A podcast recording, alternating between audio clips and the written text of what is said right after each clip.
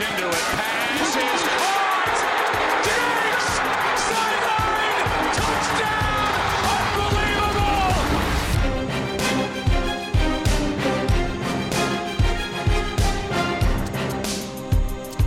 Welkom bij weer een nieuwe aflevering van de Sport Amerika Fantasy Football Podcast. En je gaat het bijna niet geloven, maar we hebben gewoon een weekend. Ik- Fingers crossed, want er moeten nog twee wedstrijden komen. Maar een weekend zonder COVID uitstellen. Dus eh, we gaan gewoon helemaal los zonder enig voorbehoud. En dat doe ik vanavond met eh Toonaarts. Hallo. Goedenavond. En eh, uiteraard, zoals altijd aanwezig, Lars Leeftink. Goedenavond.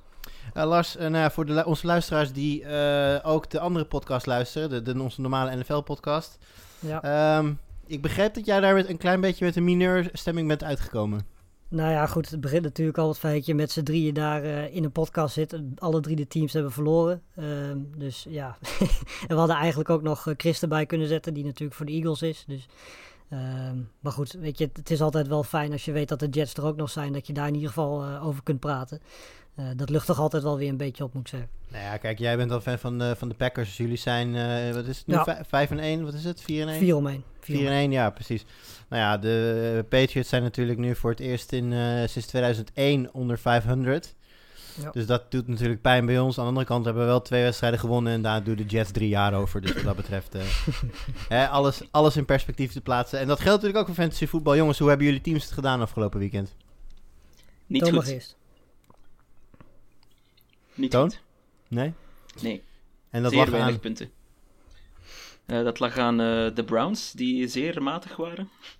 Ehm, en OBJ, die daardoor eh, geen punten scoorde. Dat lag aan, ja, aan een bye week die nogal slecht gepland was. die, die ongelukkig geïmpacteerd was door COVID ook, trouwens. Ehm, waardoor ik Justin Herbert niet kon opstellen, jammer genoeg. Terwijl ook Russell Wilson out was. Dus het was een beetje, ja, het was een jammerlijke samenloop van omstandigheden. En hoe ging het bij jou, eh, Lars? Eh, ja, prima. 3 om 1. Dus ik heb niks te klagen. Aan de andere kant heb ik eh, afgelopen dinsdag, dus wat op jullie hebben het waarschijnlijk al gehoord dat Jimmy, Jimmy er niet is vandaag. Eh, die zou mij eigenlijk vandaag eh, ja, een beetje voor schut willen zetten met een of andere Nick Chubb release die ik eh, begin deze week gedaan heb. Ehm, dus ja, ik zal het verhaal even kort vertellen. Ik heb eh, dinsdag in de experimentele league, waar volgens mij in ieder geval Juriaan ook zit. Ik weet niet of Toon daarin zit. Nee. Ehm, nou goed, ik had Nick Chubb, eh, stond op de IR. Ik was in de veronderstelling dat hij dus eh, dit seizoen niet meer zou spelen. Ehm, ik heb hem vervolgens gedropt en ik heb, nou, hoeveel was het? 50, 60 van, eh, procent van mijn FAP heb ik op eh, Claypool gegooid. Waar ik voorlopig nog geen spijt van heb. Hoe lang dat gaat duren, dat zullen we dan wel weer zien. En ehm, ja, vervolgens kreeg ik, nou, wat was het? Vijf minuten later kreeg ik een appje van, van Jimmy van, wat heb je nou gedaan? Ik zeg van, hoezo? Wat heb ik nou gedaan? Nou, ik dacht dus inderdaad dat Chubb de rest van het seizoen eruit lag. Ehm, het blijkt dat hij dus eh, in week 10 waarschijnlijk ongeveer terug zal Ai, keren. ai.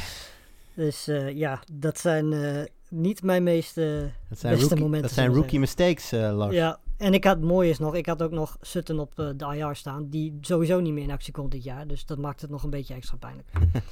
Ja, maar goed, ik, genoeg eh, daarover. Ik zat inderdaad in die league en dan moet ik, dat moet ik er wel bij vertellen, want dat was nog wel interessant. Eh, jij, jij dropte iemand eh, inderdaad waarvan je weet dat iedereen zijn, eh, zijn, zijn, zijn- Ja. nou, in principe zijn hele vaap erop stuk gaat slaan. En ik werd dus, ik had nog eh 70 dollar over, dus 70% van mijn vaap. Nou, dat bleek niet genoeg, maar ik werd dus daarvoor al, voordat zeg maar die wafer eh, liep, werd door iemand benaderd die zegt, yo, ik kan je wel voor een leuke trade aan extra vaap helpen, zodat je een eh, winnend bod kunt doen op Chubb.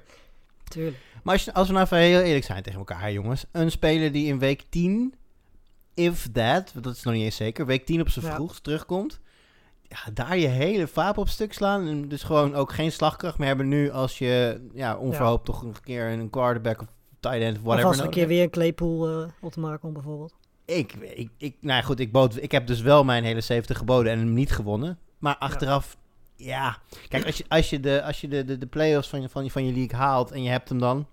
Ja, dan is Chubb natuurlijk eh, een potentiële league winner. Maar ik vind het Ja. nog wel een risico. Nou sta ik volgens mij in die league ook stijf onderaan. Dus het maakt ook voor mij echt geen donder uit. Maar, Ja, ik ook.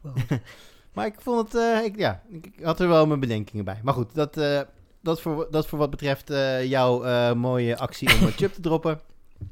We gaan door met het, het, het, ja, belangrijkste nieuws van deze week. En dan beginnen we eigenlijk even voor het weekend al.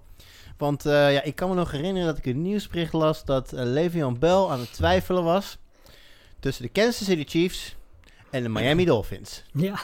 Uh-huh. En ehm, nou ja, eh, Lars, ik eh, heb niet het idee dat dat een hele grote twijfel was. Volgens mij na een, een x-aantal uur daarna, toen was al duidelijk Ja. dat eh, ja, de Chiefs hebben een nieuwe running, running back. Ja, nou in principe waren de Bills zaten er eerst ook nog bij. Die vielen, dat vond ik wel eigenlijk opvallend als eerste af. Want volgens mij als je een mooie combi wil hebben tussen een beetje spelen en eh, een kans maken op een, op een prijs, dan had hij misschien daar het beste naartoe kunnen gaan. Ehm, maar ja, weet je, als je dan vervolgens die afschuift en je gaat kiezen tussen de Dolphins en de Chiefs, ehm, dan is het denk ik niet zo heel moeilijk meer. Maar ik denk dat eh, eigenaren, volgens mij hebben we er hier twee zitten van Clyde Edwards-Hilaire, er iets minder blij mee zullen zijn. Yes. Ja, Toon, want eh, laten we inderdaad even met de kleine Edwards Hilaire beginnen. Wat is de impact, denk jij, van deze trade op hem? Ja, heel groot, denk ik. Omdat eh, ja, Clyde Edwards-Hilaire op dit moment nou, quasi de enige running back is bij de Chiefs. Of toch eh, echt de grote meerderheid van, eh, van het werk eh, opknapt. Dat ook overigens nog eens goed doet. Ehm, al heeft hij, heeft hij al een touchdown? Ehm, Ja, de Ehm, eerste weekend. Ja, het ja, eerste een weekend. vangbal. Nog geen rushing touchdowns. Ja, voilà, precies. Dus op dat vlak eh, kan het nog wel een beetje beter, maar dat, dat gaat Tegen dan Texans was wel een eh, rushing touchdown trouwens. Oké. Ehm, nou ja, dat, dat, die kansen worden weer een beetje kleiner, want ik denk dat Le'Veon Bell eh, toch wel wat werk gaat afnemen. Dat hij ook nog eens een eh, pass-catching ehm, eh, running back kan zijn. Dus, dus ja, voor fantasy-eigenaren van Clyde Edwards-Hilaire, zoals ik er ook een ben, en jij ook, Jurian, denk ik, eh, is, dit, is dit bijzonder slecht nieuws. Eh, zeker te weten dat wij eh, volgens mij beide daar een eh, first-round pick aan hebben besteed. Een heel vroege pick. De second overall pick in mijn geval, ja. ja, Ja, voor mij was het de vierde. Ja. Dank voor de correctie inderdaad, Lars. Mijn, mijn statistieken waren nog niet geüpdate met de, scores van vorige week. Ehm, nee, maar ik, eh, Toon, wat je zegt klopt. Eh, natuurlijk, uh, Clyde edwards grotendeels in, inefficiënt geweest. En wat ook heel belangrijk is, de Chiefs zijn niet tevreden over zijn passblocking. En dat is natuurlijk Ja. voor een, voor een running back heel belangrijk, omdat je... Als je als running back goed doet, dan doe je beide goed en dan weet de verdediging niet wat er gaat gebeuren. Op het moment dat jij een, een, een running back hebt waarvan je weet dat hij niet goed de quarterback kan beschermen als hij gaat passen, dan weet je al dat als die running back op het veld staat, dan zal het wel een runplay worden. Want, want ja, quarterback, of, of, hij, of hij loopt een route, maar quarterback, eh, quarterback protection doet hij niet. En Le'Veon Bell is daar een van de allerbeste in in de league. Nou, en zijn, eh, in ieder geval zijn kwaliteiten van enkele jaren geleden, eh, die zijn duidelijk. Dus eh, ja, de veelzijdigheid zou wel eens in, eh, in left Bell kunnen zitten. Maar eh, Lars, denk jij dat dat ook betekent dat Bell dan de lead back gaat worden daar? Nou, waar ik aan, vooral aan zit te denken is inderdaad wat jij zegt, dat hij daar hè, dus de, de passblocking kan gaan doen. Maar daaruit kan hij natuurlijk ook eh, in de passing game heel belangrijk zijn. Ik denk dat dat zijn voornaamste rol is. Ik denk dat Edwards Hilaire vooral iets meer een pure running back gaat worden. Hij zal vast wel nog wat eh, receiving eh, targets krijgen. Maar ik denk dat die ballen toch meer naar Bell gaan. Dat hij toch meer de veelzijdige running back wordt. En dat Edwards Hilaire misschien iets meer de rol van pure running back, die natuurlijk de, de, de Chiefs eigenlijk heel lang niet meer gehad hebben. Eh, dat die die misschien wel op zich zou kunnen gaan nemen. En dan is natuurlijk de vraag, wat doen ze vaker? En hoeveel, per- hoe vaak eh, krijgt Edwards Hilaire de kans en hoe vaak krijgt Bell de kans? Dat, is, dat kunnen we op dit moment natuurlijk nog niet zeggen, dat is afwachten. Als ik zeg eh, we- eh, ruwweg 50-50 en dan eh, afwachten welke kant op valt, dat is denk ik het closest dat we gaan komen momenteel. Ja, ik denk misschien aan het begin dat het iets meer in het voordeel van Hilaire zal zijn. Maar gedurende het seizoen denk ik als Bell ook iets meer het systeem kent, dat dat misschien steken wel eh, vaker naar 50-50 zal gaan. Ja. Ehm, valt, eh, valt Edwards Hilaire dan meteen naar, eh, naar de flex? Of, eh, of hou je hem toch nog als RB2? Of? Het is lastig, want je hebt het over, ehm, nou ja, eh, het komt en het gaat, maar sowieso een top 3 aanval in de league. Eh, heel veel potentie. Maar ja, Ja. tot nu toe heeft hij vooral natuurlijk in de red zone laten zien dat hij gewoon niet efficiënt genoeg is. Hij komt er gewoon niet doorheen. Ja, en, Ja. en, en dat is wel, kijk, dat zijn natuurlijk wel de plays eh, waar, je, waar je echt de punten pakt. Bedoel, natuurlijk, yardage is fantastisch. Vraag maar aan Derrick Henry. Maar uiteindelijk, eh, op- met, met de één, met één, je kan met één yard gewoon een smak punten pakken. Als je dat continu niet doet, ja, dan blijf je heel afhankelijk van de yards. Dan zal je nooit heel veel verder komen dan ja, 10, 11 punten per, per week. Wat eh, dus bruikbaar is voor een flex en nou, misschien net een RB2. Ja, ik, eh, gevoelsmatig heb ik hem nog wel een beetje in die RB2 range. Maar mm, ja, hij heeft wel iets te bewijzen wat dat betreft. Eens. Goed jongens, gaan we even door. Ik, eh, ja, we zijn zo erg als week 2 wordt het niet meer. Maar toch deze week weer een aantal blessures. Ik raad ons even af en dan mogen jullie zo even inzoomen op wat je nog interessant lijkt. Allereerst, eh, ja, toch wel denk ik de belangrijkste speler in het rijtje. Miles Sanders, een van de betere running backs van dit moment. Knieblessure, mist sowieso deze week eh, Thursday Night Football en is mogelijk nog een week uitgeschakeld. Maar de vrees was voor een veel zwaardere blessure, dus dat valt in ieder geval mee. Dan zijn teamgenoot Zach Ertz, tight end. die is er waarschijnlijk wel drie à vier weken uit. Ja, dan moet je maar wachten hoe snel dat dan weer gaat. Eh, andere tight end, Jonu Smith viel uit. Enkel lijkt mee te vallen. Baker Mayfield werd gewisseld. Ja, daar gingen natuurlijk de stemmen op van... Hij had wel last van zijn rib, dat was bekend. Maar hij kon eigenlijk spelen. En ja, hij gooide natuurlijk geen deuk in een pakje boter. En dan was het ook wel erg lekker om... eh, voor hem om even naar de kant te gaan. En god, konden wij eens even kijken naar... eh, jongens, help me even, wie viel er ook weer in? Case Keenum. Kijk, ik wilde zeggen de Sean Keizer, maar ik wist zeker dat dat niet klopte. Case Keenum, ja, dat eh, was oké. Was ook alweer een tijdje geleden. Eh, gaan we door. Mark Ingram bij de, bij de Ravens eh, viel uit met een enkele blessure. De ernst daarvan is nog niet bekend. Datzelfde geldt voor Joe Mixon, die uitviel met een voetblessure. Devante Parker had last van zijn lies, stopte. En ja hoor, Raheem Mostert is ook weer geblesseerd met een enkel blessure. En ook daarvan is nog niet helemaal duidelijk of en zo ja, hoeveel tijd hij gaat missen. Goed, Toon, welke springt er hier voor jou uit? Ja, Zach Ertz is denk ik qua impact nog wel een van de grotere. Vooral als je erop had gerekend, stel dat je in het begin van het seizoen zowel Goddard als Ertz, nou dat is misschien wel een longshot als je dat hebt eh, kunnen bewerkstelligen. Maar eh, Goddard die ligt er natuurlijk ook uit. Dus qua tight ends bij de Eagles is er eigenlijk niets meer over. Eh, ik heb even moeten opzoeken wie het dan nu zou moeten worden. En dat is Richard Rodgers. Ja, Geen idee of die überhaupt een bal kan vangen. Oh, dat kan hij zeker wel. Zeker, zeker als had hij... drie eh, catches toch afgelopen weekend? Drie catches? Oké. Ja, ja, en hij heeft natuurlijk heel lang eh, ballen gevangen voor van zijn naamgenoot, als ik me niet vergis. Ja, Oh ja. klopt. Klopt. Wel, Ja, dus hij dat- stand corrected. Ja. Ehm, maar zijn blessure is, is in potentie denk ik de ergste, want al de andere eh, lijken eerder mee te vallen en, en week-to-weeks Ja. te zijn. Ja. Ehm, bovendien zijn er daar ook nog twee. Ehm, wie is het? Devante Parker, die hebben dan net een bye week in week 7. Ehm, Ja. Ingram heeft ook een bye week in week 7, dus die kan je wel gewoon laten zitten, denk ik, en afwachten of ze niet gewoon terug zijn in week 8. Nou, waarbij je natuurlijk bij Mark Ingram nog kunt afvragen of het überhaupt nog zinvol is om een running back van de Ravens op je roster te hebben. Ook Als ja. elke week een andere van die drie de hoogste punten gaat halen. Eh, Lars, had jij nog uh, blessuregevallen hier waar je nog even eh, over door wil? Nou ja, ja, in principe is Sacker is de meest opvallende. Ik ben wel heel benieuwd wat eh, als Miles Sanders inderdaad één of twee weken eruit ligt. Of dan eh Boston Scott inderdaad de man is waar we dan naar moeten gaan kijken. Of dat ze iemand van buiten gaan halen voor die twee weken. Ehm, maar verder, ja, weet je, denk ik dat Sackers met afstand de meest belangrijke is die ertussen staat. Ja. Ik, ik, ik vind eh Raheem Mostert nog wel interessant. En dan niet eens Ja. zozeer vanwege Raheem Mostert. Maar dat backfield wordt zo'n puinhoop als hij niet speelt. wat, wat moet je dan? Want eh, Tevin Coleman die, komt, eh, die kan eh, aankomende week terugkeren van, eh, van IR.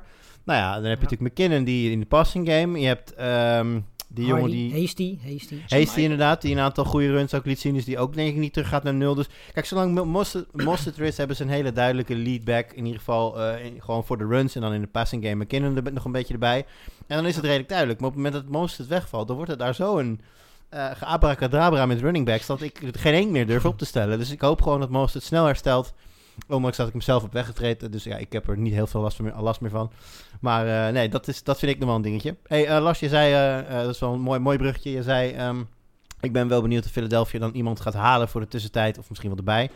Eh, we zitten natuurlijk twee weken voor de NFL Trade Deadline. En dat is natuurlijk altijd een eh, goede reden voor teams die nou, ja, zichzelf kansen toedichten.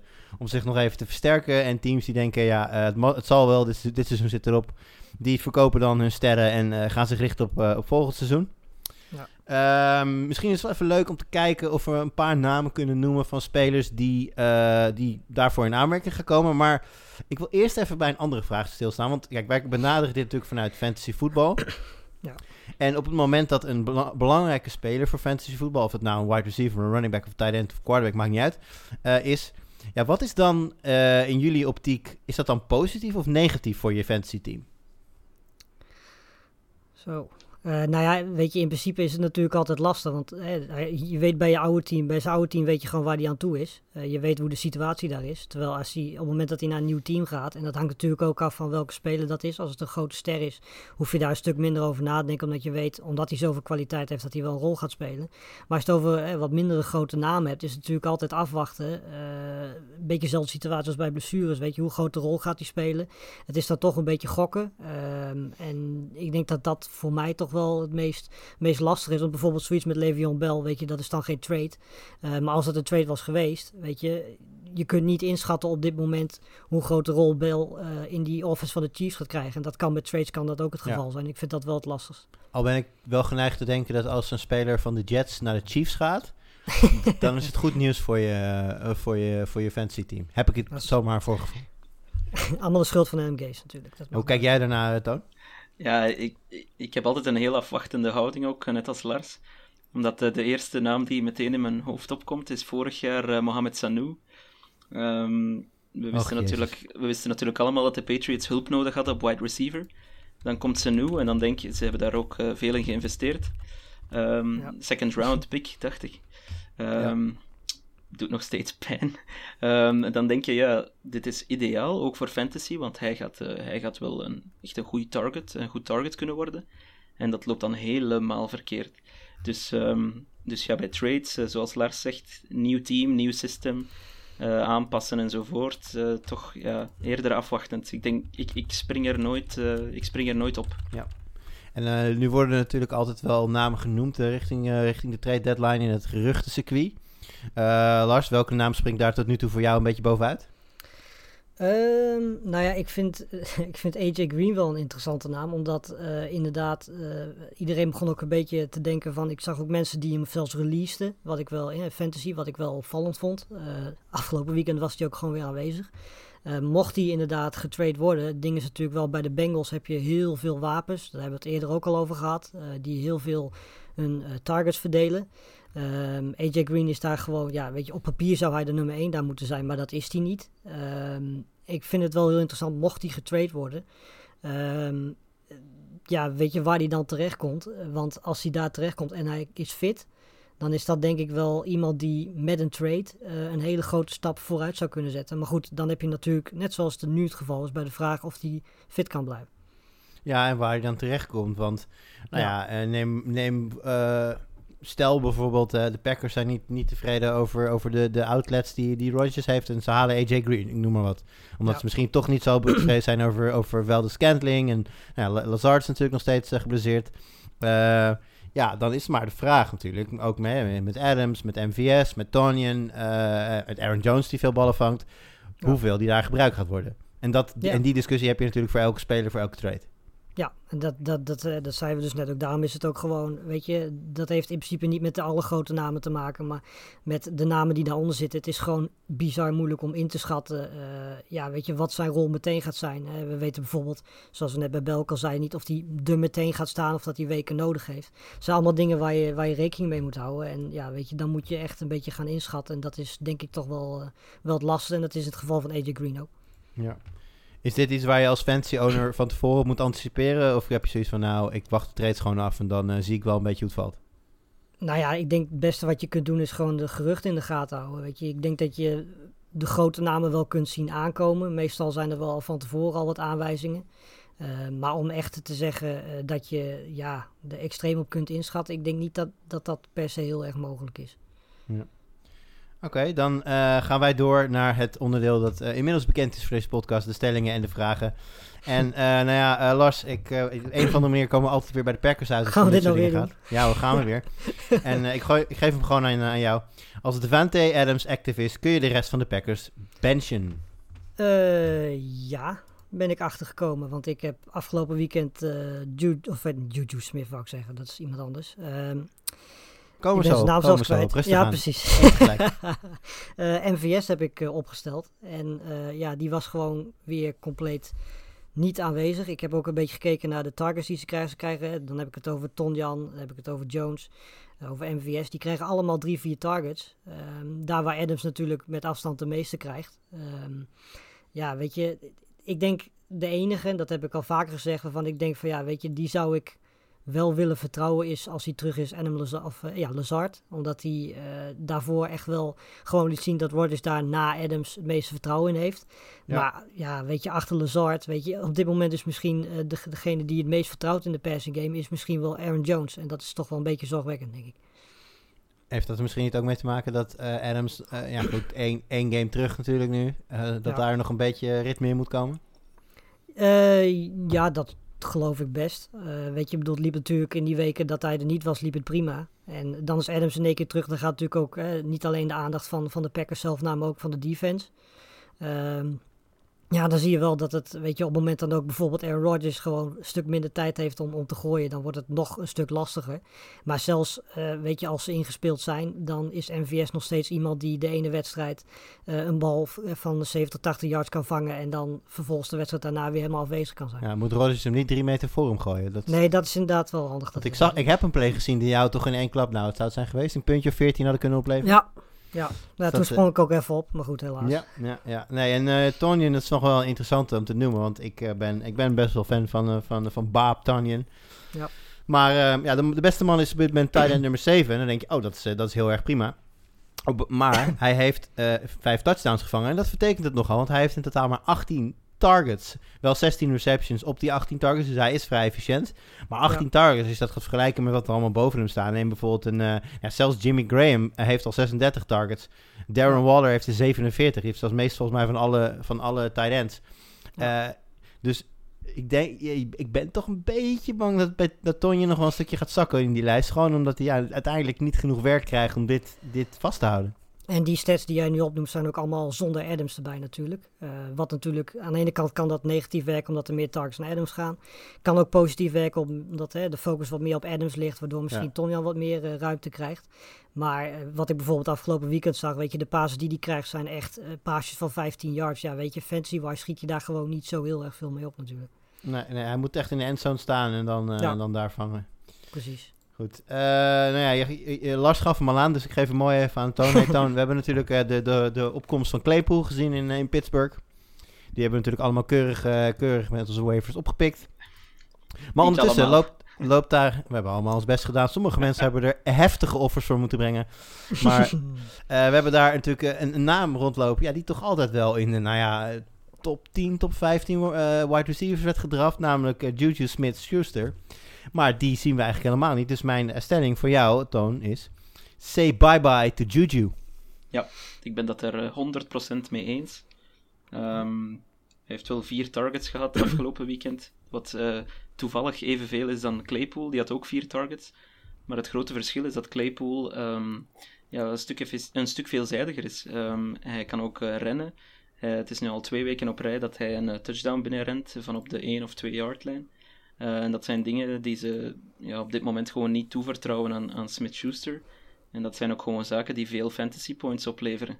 En, en Claypool heeft nu al zes touchdowns eh, gescoord in totaal. Twee rushing en vier eh, receiving touchdowns. Ehm, ja, dat, dat zie je Smith-Schuster gewoon niet meer doen. En dan als zelfs in semi-garbage time de, de, de Steelers nog extra punten op het bord zetten, dan was dat met James Washington. Ehm, en dan was dat met, eh, hoe heet hij? Benny Snell. Ehm, Ja. En Smith-Schuster, die wordt gewoon, eh, ja, die wordt eigenlijk helemaal gepasseerd. Dus ik, ik denk niet dat het nog goed komt met eh, Smith-Schuster eh, in Pittsburgh. En hoe zie jij dat, Lars? Eh, ik ben iets. Ja, ik ben, sta wel een beetje aan de kant van Toon. Aan de andere kant, eh, weet je, als we zagen hoe die de eerste drie wedstrijden voordat Claypool natuurlijk explodeerde eh, speelde, dat was gewoon meer dan prima. Dat was gewoon de, hè, de, de Schuster die, die we kennen. Ehm, natuurlijk de afgelopen twee weken, hè, sinds de bye, is het, eh, is het niet, niet veel beter geworden. Het is wat mij betreft sowieso niet iemand die je moet droppen. Als je hem dan niet wil spelen, zet hem dan in ieder geval op de bank. Want eh, die targets die krijgt hij nog steeds. Weet je, het zijn nog steeds vijf targets per wedstrijd. Er zijn heel veel receivers eh, die dat niet krijgen. En zeker als je kijkt, weet je, ik bedoel, Claypool en Washington, dat zijn leuke receivers, maar daar ga je niet elk weekend op kunnen vertrouwen. Ehm, en weet je, Smith-Schuster krijgt ook gewoon zijn kansen straks eh, tegen teams als de Cowboys, de Bengals, de Jaguars, eh, de Redskins, waar ze allemaal nog tegen moeten gaan spelen. Ehm, dus ik, ik denk dat ook het schema wel een beetje in het voordeel van Schuster speelt. Maar ik begrijp wel waarom mensen zouden twijfelen om hem op dit moment in ieder geval op te stellen. Maar ehm, die, die targets die je krijgt, zijn wel steeds van die korte balletjes. Ja, Omdat Roethlisberger hem niet verder meer krijgt. Eh, Ja. Ik ben hier even aan het kijken, 6 yards in totaal eh, afgelopen weekend. Ja, ik, ik weet niet of hij nog heel veel eh, van die Ja, hele dat zijn big plays kan krijgen. Dat zijn wel tekens inderdaad. Ehm, maar goed, weet je, ja, ik vind het op basis van twee, we- weet je, als het vier, vijf wedstrijden zo doorgaan, dat is natuurlijk ook weer een beetje het ding. Ga het maar eens inschatten. Weet je, voor hetzelfde geld eh, speelt hij volgend weekend eh, en het weekend daarna weer heel erg goed. En dan kan er weer een andere stelling hier neergezet worden. Ehm, Zo'n situatie is het op dit moment voor mij in ieder geval nog. Ik vind op basis van twee wedstrijden voor mij nog iets te vroeg. Voor een speler die zo getalenteerd is als Schuster om hem al, eh, al af te schrijven. Ik eh, ben het met jou eens, eh, Lars. En daarnaast denk ik ook nog eens dat er een bepaald... eh, ja, toch wat regression gaat optreden bij Claypool. Al was het maar omdat andere teams natuurlijk ook kijken naar Pittsburgh. En die zien ook dat Claypool momenteel de gevaarlijkste ballenvanger is daar. Dus op het Ja. moment dat de verdediging meer op hem gaat focussen en Juju meer ruimte krijgt... Ja, kijk, Big Ben, hij eh, kan niet echt veel meer lopen. Maar het is natuurlijk nog steeds wel gewoon een, een slimme quarterback. Een, iemand die het spel kan lezen en die het donders goed snapt als Juju ruimte, Juju ruimte krijgt. Dus ik denk Ja. inderdaad dat het iets te vroeg is om, eh, om hem nu al te, ja, te droppen, sowieso niet. Ehm, ja, afwachten en hopen, denk En ik. ze weet je, het programma van de Steelers ziet er wat dat betreft ook gewoon heel erg gunstig uit voor hem. Dus dat zijn wel wedstrijden waarin hij eh, ja, weer punten kan gaan, eh, kan gaan pakken. Ja, week 8 Baltimore zal, eh, zal lastig zijn. Ja, precies. Goede Ja. defense. Maar en dan week 12 nog een keer. Maar daartussenin... Ja. Ja, Tennessee word je niet heel bang van. Dallas, Cincinnati, heerlijk. Jacksonville, prima. Washington, ja, dat zijn allemaal wedstrijden waarvan je denkt... daar hoef je niet eh, bang voor te zijn. Dus eh, Ja. ja, het, het is niet een hele leuke tijd voor Juju-eigenaren... maar het, eh, er, is nog, er is zeker nog hoop. Eens. Ehm, dan even kijken hoor. Wie, welke gaan we er nog even uitpikken? Ehm, ja, dit is eigenlijk een beetje hetzelfde. Want eh, aan het begin van het seizoen waren er natuurlijk mensen die hadden James Robinson opgepikt. Ja. Eh, running back van Jacksonville. Want daar was natuurlijk aan het begin helemaal niet duidelijk wie, wie de lead back zou gaan worden. En ineens was daar Robinson. En ineens hadden mensen hem opgepikt. En ineens had je in hem, zo leek het dan toch, een eh, ja, top 20 running back. Maar ja, zijn, eh, het begint langzaam wat minder te worden met, met Robinson. De productie, de kansen. Dus Lars, ik, ik, ik ge- geef hem even aan jou. Deal James Robinson zolang hij nog kan. Ja, ik zeg ja. Ik weet niet per se of het eh, veel, heel veel slechter gaat worden. Want het feit is natuurlijk wel dat bij de Jaguars eh, qua running game er op Robinson na niet heel veel opties zijn. Hij heeft ook gewoon, eh, weet je, het, is op zich niet heel veel, maar 13, 14 carries per wedstrijd. Pakt ook nog wat ballen in de passing game. Dus het is niet zo dat zijn productie, wat dat betreft, of zijn kansen zijn misschien ietsjes minder geworden, maar niet extreem veel minder. Zijn aantal punten natuurlijk wel per wedstrijd. Hè. De, de, de endzone heeft hij al drie wedstrijden niet meer gevonden. Ehm, het helpt natuurlijk ook niet dat die offense van de Jaguars eh, met Minshew natuurlijk best wel een beetje pass-heavy is. Ehm, dus eh, ja, weet je, ik denk op dit moment is zijn waarde het hoogst. Ik zie niet per se een reden om te denken dat hij nog veel hoger gaat worden. Als je hem echt op z'n allerhoogst had willen tweede, had je dat in week 2 of 3 moeten doen, denk ik. Ehm, maar ik, ik, als ik een goed bot zou krijgen, dan zou ik Robinson absoluut uh, traden. Ondanks dat het natuurlijk een running back is. En de situatie op running back natuurlijk bij veel teams een stukje onduidelijker is. Ja, hier, hier ga ik dan een beetje genuanceerder op antwoorden, denk ik. Hij heeft trouwens wel een uh, touchdown gescoord uh, tegen Detroit. Een uh, receiving touchdown. Ah, receiving touchdown, ja. Um, nou ja, dat, dat levert evenzeer punten op. En ik zie toch ja. dat hij nog nooit, ja. van deze, dit jaar, nog geen enkele keer onder de dubbele cijfers is gezakt. Dus hij is, wat mij betreft, op zijn minst wel serviceable. Tuurlijk, als je echt een goed bod krijgt voor iemand die heel verlegen zit om een running back, dan kan je daar wel nog een, dan kan je er wellicht wel nog een vrij hoge prijs van krijgen op dit moment. En uh, waar ik dan wel met, met jou eens ben, is dat die prijs uh, wat, wellicht niet meer zal stijgen. Oké, nou dat gaan we zien. Uh, gaan we, pakken we meteen even door op een andere running back, waar ik wel benieuwd naar ben. Uh, want Rojo, Ronald Jones, had natuurlijk heel veel last van, van Leonard Fournette. Die werd gehaald door, Tem door Tampa Bay. En toen hadden wij allemaal zoiets van, ja, wie gaat het nou worden? In de eerste paar weken waren het, was het ook echt een beetje pingpong. De ene week kreeg de een meer werk, de andere week was het de ander. En nu ja. heeft Ronald Jones volgens mij drie games op rij met 100 yards. En ja. denk ik, Toon, dat Ronald Jones zeker is van zijn baan als eerste running back in Tampa Bay. Ja, dat denk ik ook. Als je de cijfers ook bekijkt, uh, hij, heeft 23 carries. Natuurlijk, hij was ook geholpen door de game-situatie. eh, waarin eigenlijk de Buccaneers de hele tweede helft eh, gewoon rustig konden rushen. Ehm, maar ja, hij had weer 113 yards, twee touchdowns. Dat zijn dikke punten. En, ehm, en zijn opvolger, zijn eerste opvolger, dat is dan natuurlijk niet Fournette, want die ligt er nog uit. Maar uh, Keshawn Vaughn, die heeft maar vijf carries gekregen. Ehm, Shady McCoy, eh, good old. Shady McCoy, die haalt eh, Die loopt er ook nog 0,3 rond. yards per carry in deze wedstrijd. dus eh, van hem zal het ook niet meer komen. Dus eh, wat mij betreft ja, is hij vrij stevig eh, gebetoneerd nu als number one running back in Tampa Bay.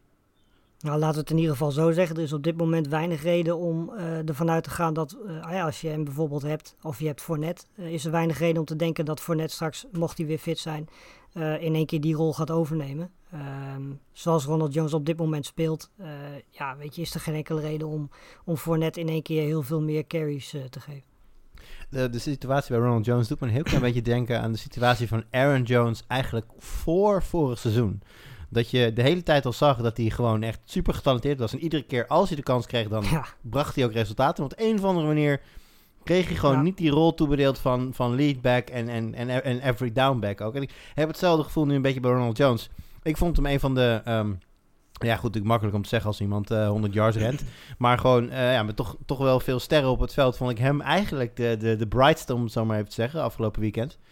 En Ja. ja, ja ik, ik zou het raar vinden als hij niet gewoon eh, de feature back daar zou zijn voor de rest van het seizoen. Maar goed, wat ik zeg, het, eh, het doet me denken aan de Aaron Jones situatie. Dus in die zin zou het me ook weer niet verbazen als hij toch straks weer Leonard Fournette eh, naast zich ziet. Eh, dan heb je als, je, als jij moet kiezen tussen Leonard Fournette of Ronald Jones, dan eh, heb je het niet heel lastig, want dat is op zich nog wel te doen. Maar eh, Toon, als je nou moet kiezen tussen Frank Gore of P. Ryan. En dan bedoel ik LaMichael P. Ryan. Volgens mij loopt er ergens nog een neefje van hem in de, in de NFL ook. Oh ja. Ehm goh ja. Frank Gore dan maar. Of, ja, of geen van beide. Ja. als je moet kiezen. Ja, nee, de, de, stel- stelling hier is, de stelling hier is eigenlijk Frank Gore en of uh, Michael P. Kan je helpen in fantasy. Eh, eh, ja, ik denk dat niet. Ehm, in de zin van, je gaat van, van elk van die jongens, ga je hoogstens 4 tot 6 punten per week krijgen. Ehm, nou, als je al een heel sterk team hebt en, en je hebt iemand in bye, ja, dan kunnen die 4 of 6 punten je misschien wel helpen om net eh, over de hump te geraken, zeg maar. Maar om echt het verschil te maken, nee, geen van beide. En dat, weet je, volgens mij is op hooguit crowden na eh, bij de Jets sowieso op dit moment niemand die fantasy waardig is eh, om te gebruiken, denk ik. Oh, maar ik heb, al, ik heb geleerd dat Joe Flacco elite is. maar dat is niet dus. Nee, ik eh, moet je helaas uit die droom helpen. Ai, jammer. Nee, maar weet je, het probleem is ook gewoon, ze komen niet heel erg vaak in de buurt van de endzone. En dat is volgens mij voor running backs ook wel tamelijk belangrijk als je punten wil scoren. En eh, daarnaast, weet je, ja, Gore kan niet eh 15 à 20 carries per wedstrijd eh, meer, eh, meer, meer krijgen, denk ik. Eh, dus ja, weet je, die krijgen allebei, weet ik veel, een stuk of 10, vijf, à- eh, een stuk of 10 eh, carries per wedstrijd. Ja, weet je. En als je dan ook nog eens een keer amper tot niet in de buurt van de endzone komt, eh, lijkt mij niet heel erg interessante naam om, eh, om op te pikken. Ik, eh, voordat we doorgaan naar de waiver wire, heb ik er nog eentje voor jullie die niet op het lijstje stond. Die heb ik namelijk net zelf bedacht. Oeh. En eh, dat komt eigenlijk vanuit, omdat we het net over Ronald Jones hadden. En we hadden het over de, ik zei net de vele sterren op het veld. Ja. En ja, weet je, we hebben het er al vaker over gehad. Maar eh, met name dan toch eh, Evans en Godwin. Als je dan toch een van die mensen op je roster hebt. wat moet je, Lars, wat moet je daar momenteel in vredesnaam mee? Ja, geen idee eigenlijk. Weet je, ik zou eerlijk gezegd iets meer vertrouwen hebben in Mike Evans. Maar ja, als je ziet wat die eh, afgelopen weekend, die was compleet onzichtbaar. Ik heb hem niet gezien.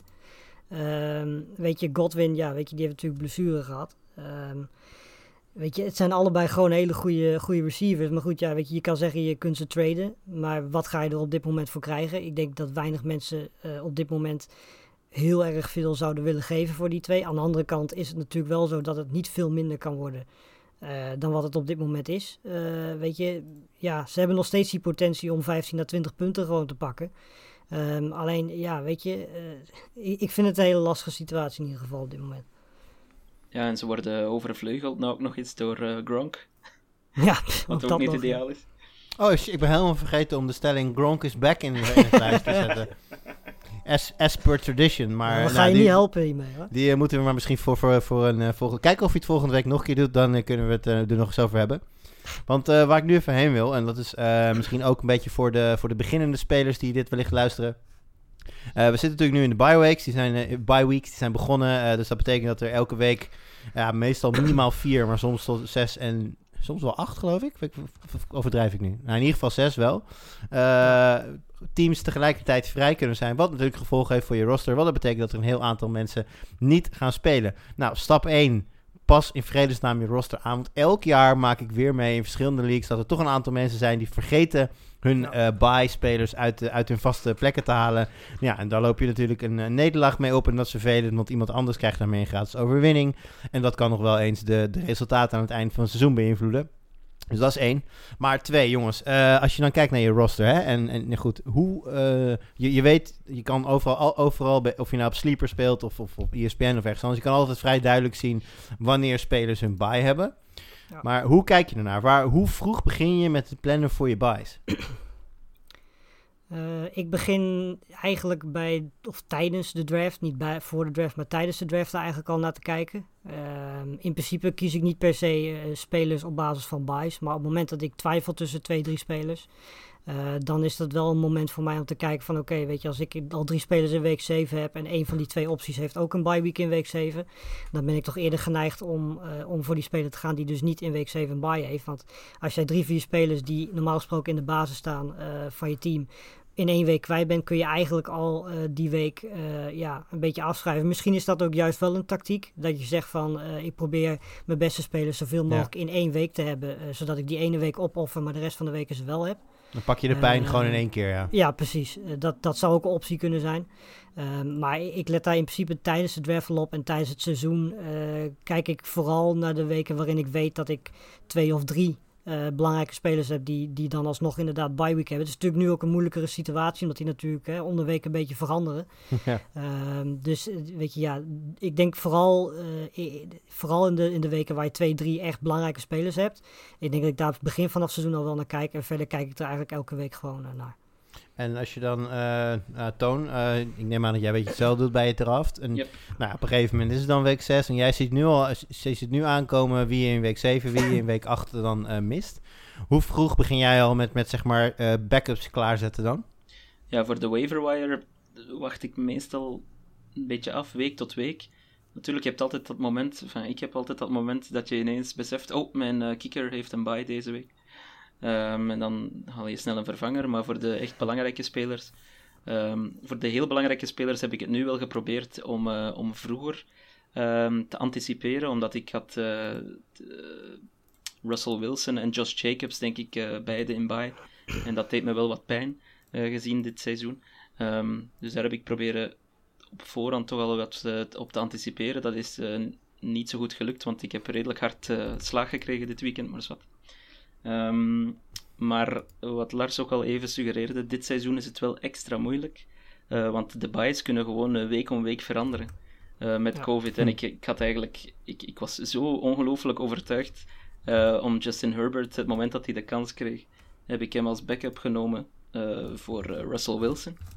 En dan hebben het, de Chargers natuurlijk um, ja, hun bye week nu geforceerd gekregen in week 6 en zat ik meteen in de problemen. Dus dat is iets ja, dat, dat had ik ook. Want ik had in één league in mijn uh, Dynasty, waar ik nu 4 om 1 ben, daar had ik uh, in één week had ik Carson, Jackson um, en even kijken, ik had Ruggs had ik niet. Weet je, dus ik zat vooral qua running backs meteen in de problemen. En ik had geluk dat, uh, dat Derrick Henry dan explodeerde. Die heeft me eigenlijk een beetje op het ideale moment gered.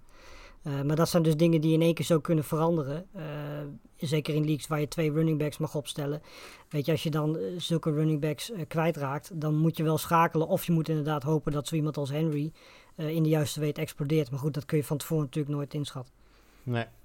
Nee, wat jij nu zegt, dat heb ik ook. Ik had van, van het begin, nou ja, ik had Lamar Jackson als mijn eerste quarterback. En ja, daar zoek je nog een leuke quarterback bij die dan in een andere week zijn bye heeft. En ik had Minshew.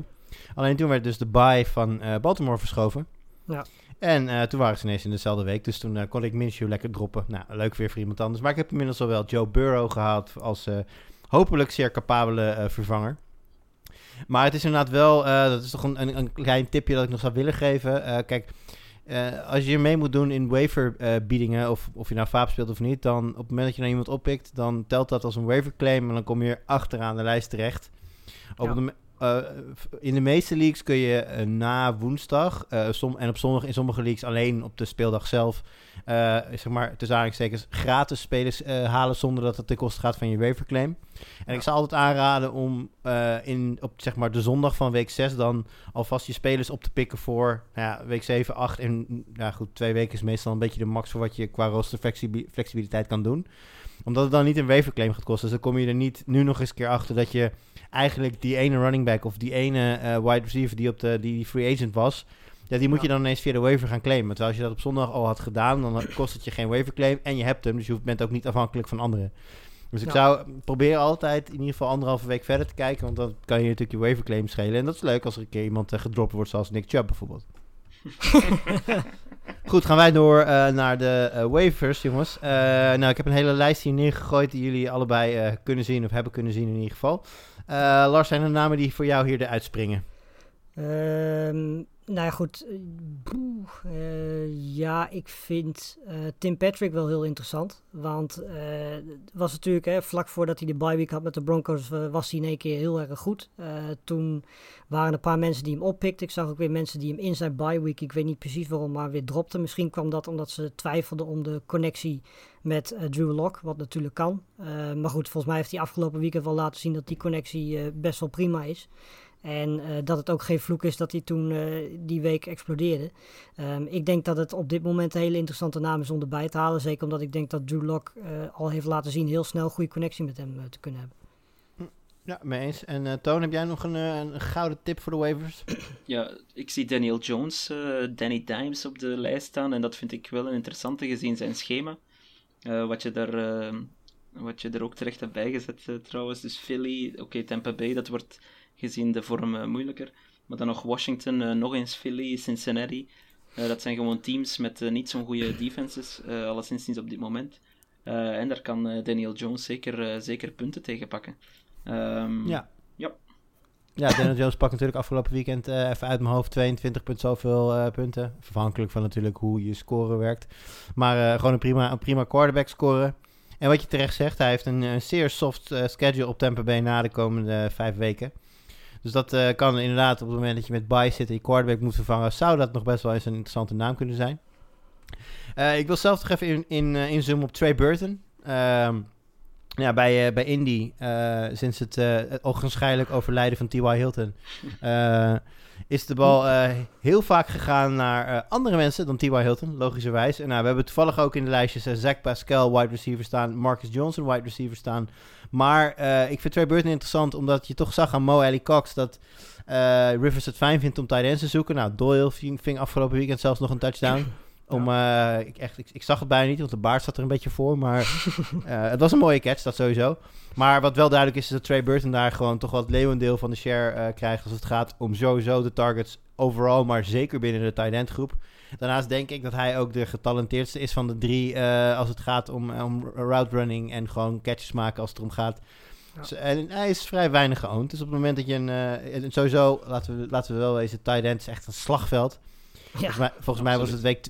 Volgens mij was het week 2 of 3 dat wij hier uh, Gesicki uh, uh, Brandon prominent Cox top, ook. eh, die noemden wij een top 5 uh, uh, tight end voor dit jaar. Ja. Nou ja, we gaven aan dat Jonas Smith het zou kunnen worden. Die is nu gehavend, dus het is maar afwachten of die speelt. Dus de kans is groot dat je een, een tight end zoekt. En dan zou ik zeggen, uh, kijk eens naar Trey Burton van de Colts. Uh, jongens, dat was hem weer voor, uh, voor deze week. Uh, Lars, Toon, hartstikke bedankt. Yes veel succes aankomende week. En eh, jullie bedankt voor het luisteren. En we spreken elkaar volgende week.